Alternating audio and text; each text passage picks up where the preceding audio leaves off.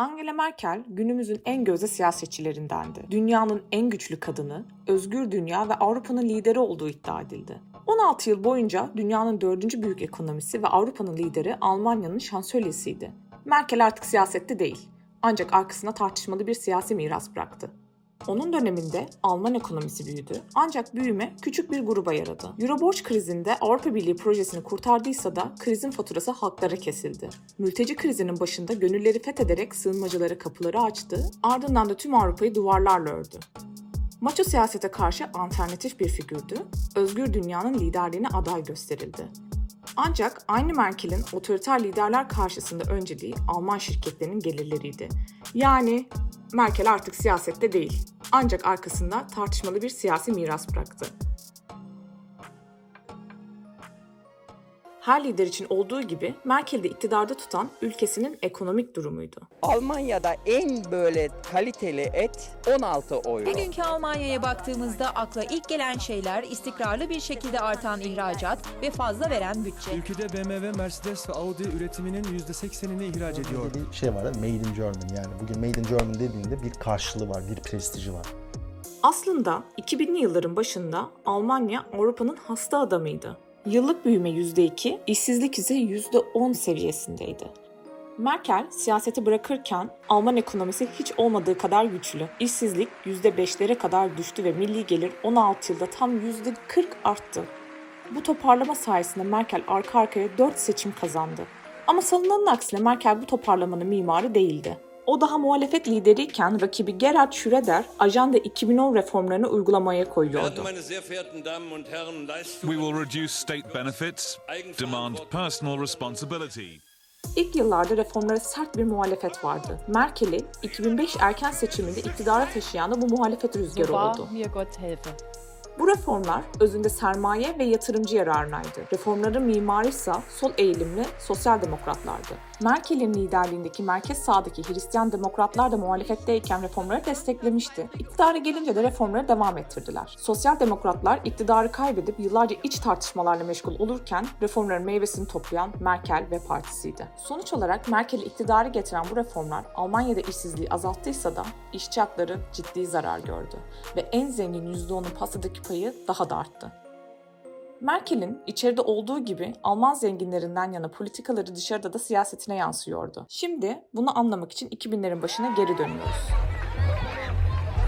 1 Ocak 2002'de Almanya'nın da içinde olduğu 12 ülke ortak para birimi Euro'yu kullanmaya başladı. Ortak para birimi Alman ekonomisine büyük katkı sağlıyordu. Alman ürünleri diğer ülke pazarlarına daha rahat giriyor, Deutsche Bank da küçük ülkelere krediler veriyordu. Sistemden faydalanan bir diğer ülke de Yunanistan'dı. Kuzey Avrupa'nın istikrarlı ülkelerle aynı para birimini kullanmak Yunan ekonomisine güveni arttırmıştı. Bu sayede Yunan ekonomisi çoğunluğu Alman bankalarından alınan kredilerle hızla büyümeye başladı. Ta ki 2008'e kadar. Greece, a country on the brink of collapse. Ciddi bir ekonomik ve mali kriz içindeki Yunanistan'da sosyal gerilim tırmanıyor. Yunanistan'ın kamu borcu 300 milyar euroya ulaşmış durumda. 23 milyar euro gayri safi yurt içi hasılasının %175'ine denk. Yunanistan beyan ettiğinden çok daha fazla borçlanmıştı ve borçlarını geri ödeyemiyordu. İflas ederek bazı diğer Avrupa ülkelerini de peşinden sürükleyebilirdi ki bu uygulamaya geçişinden 7 yıl sonra Euro'nun iflası anlamına gelecekti. Gözler Avrupa Birliği'nin en güçlü ekonomisi Almanya ve Merkel'e döndü. Krizden etkilenen bankacılık sistemi için kurtarma paketleri hazırlanmıştı. Bir benzeri de Yunanistan ve diğer borçlu ülkeler için hazırlanabilirdi. Merkel ve dönemin Fransız Cumhurbaşkanı Nicolas Sarkozy yanlarına Avrupa Merkez Bankası ve IMF'yi de alarak yardım elini uzattılar. Ancak şimdi bu yardımın koşulları sertleşiyor. Yardım tekrar ödenecek kredilerle sağlanacaktı. Ayrıca Yunanistan'dan çok sert kemer sıkma politikaları uygulaması isteniyordu. İşsizlik tavan yaptı, maaşlar azaltıldı, sosyal yardımlar kesildi ve Yunan halkı ciddi anlamda yoksullaştı. Günün sonunda Euro kurtulmuştu ancak politikaların faturasını ödeyen kitleler artık Avrupa Birliği'ne şüpheyle bakıyordu. Greece should simply announce that it is defaulting, just like Argentina did, within the euro in January 2010, and stick the finger to Germany and say, well, Burada kritik olan Merkel'in Almanya'nın yardımını tembel Güneylilere bir ders gibi göstermesiydi. Unutmayalım ki ortak para birimi en çok Almanya'ya yarayan bir sistemdi. Merkel siyasete bırakırken Deutsche Welle'ye verdiği bir demeçte onu en çok zorlayan iki şeyden birisinin mülteci krizi olduğunu söylemişti. Kriz her ne kadar daha önce başladıysa da Avrupa ağırlığını 2015'te hissetmeye başladı. 1 milyon 300 bin mülteci daha iyi bir hayat ümidiyle Avrupa kapılarına Und dayanmıştı. das geschieht alles, während wir hier in geordneten. Erstens, es gilt das Grundrecht politisch Verfolgter auf Asyl. Schutz gewähren wir auch all denen, die aus Kriegen zu uns fliehen. Auch ihnen steht dieser Schutz zu. Wir haben so vieles geschafft, wir schaffen das. Wir schaffen das. Bu ilk tepkisi gönülleri fethetmesini sağladı. Almanya Avrupa ülkelerine yapılan sığınma başvurularının %90 kadarını tek başına üstleniyor. Merkel Avrupalı ortaklarına aynısını yapmaya çağırıyordu. Ancak ne Avrupalı ortakları ne de Alman halkının tamamı onun bu cesur tutumunu destekledi. Zaman içerisinde Merkel'in söylemi mülteci yanlısı kalsa da politikaları değişiyordu. Onun nöbetinde Avrupa Kalesi diye çağrılan sınır güvenliği siyaseti başladı. Bu siyasetin bir ayağında adı skandallarla anılan Frontex'in sert sınır güvenliği uygulamaları var. Diğer ayağında ise geçiş noktalarında ülkelerle yapılan anlaşmalar bulunuyor. Bu anlaşmalar Türkiye, Fas gibi ülkelere sağlanan maddi yardımlarla bu ülkelerin mültecileri kendi sınırlarında tutmalarını amaçlıyor. Bu politika yüzünden geçiş noktalarındaki ülkeler Avrupalı siyasetçileri bir nevi rehin alabiliyor ve Avrupa sınırları her gün bayraktarlığını yaptığı değerlerin çiğnendiği görüntülere sahne oluyor. Thousands of people stuck on a border that won't open for them. Stranded between the two countries for more than a week.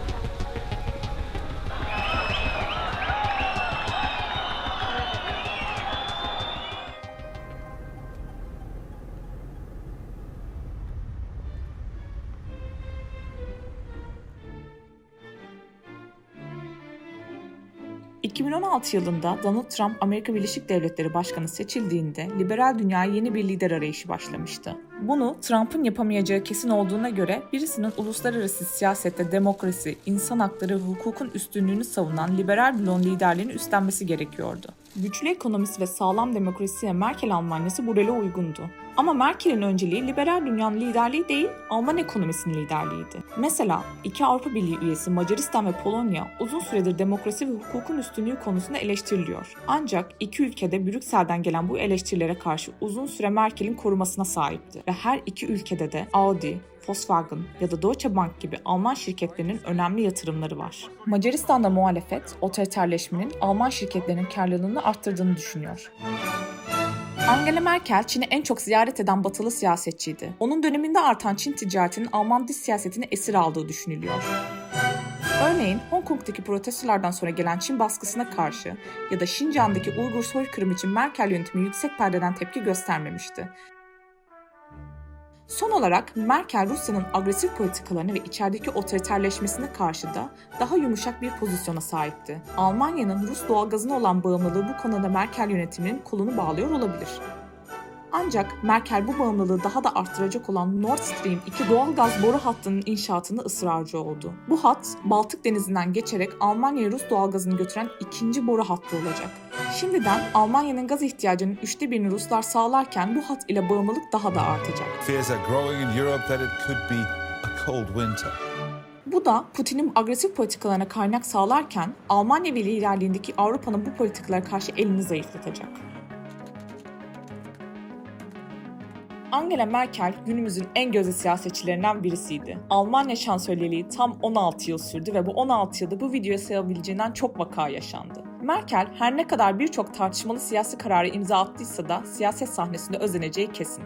Pandemi başında halkına açık açık durumun vehametini anlatması, kötü zaman liderinin nasıl olması gerektiğine yönelik bir ders gibiydi. Adının herhangi bir yolsuzluk skandalıyla henüz anılmıyor oluşu dahi onu değerli kılıyor. Ancak çok iyi bir insan olmak, çok iyi bir siyasetçi olunacağı anlamına da gelmiyor. Merkel'in kararlarının tartışmalı noktaları bir kenara, o sorunlara karşı yapısal çözümler üretmektense günü kurtaran politikaları imza atmayı tercih eden bir liderdi. Almanya gençleri arasında Merkel'den esinlenerek üretilmiş bir fiil dahi var. Merkel.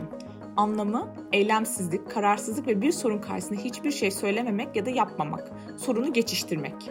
Onun döneminde doğan sorunların tamamı bugün halen geçerli ve daha da büyüyerek karşımıza çıkamayacaklarının hiçbir garantisi yok.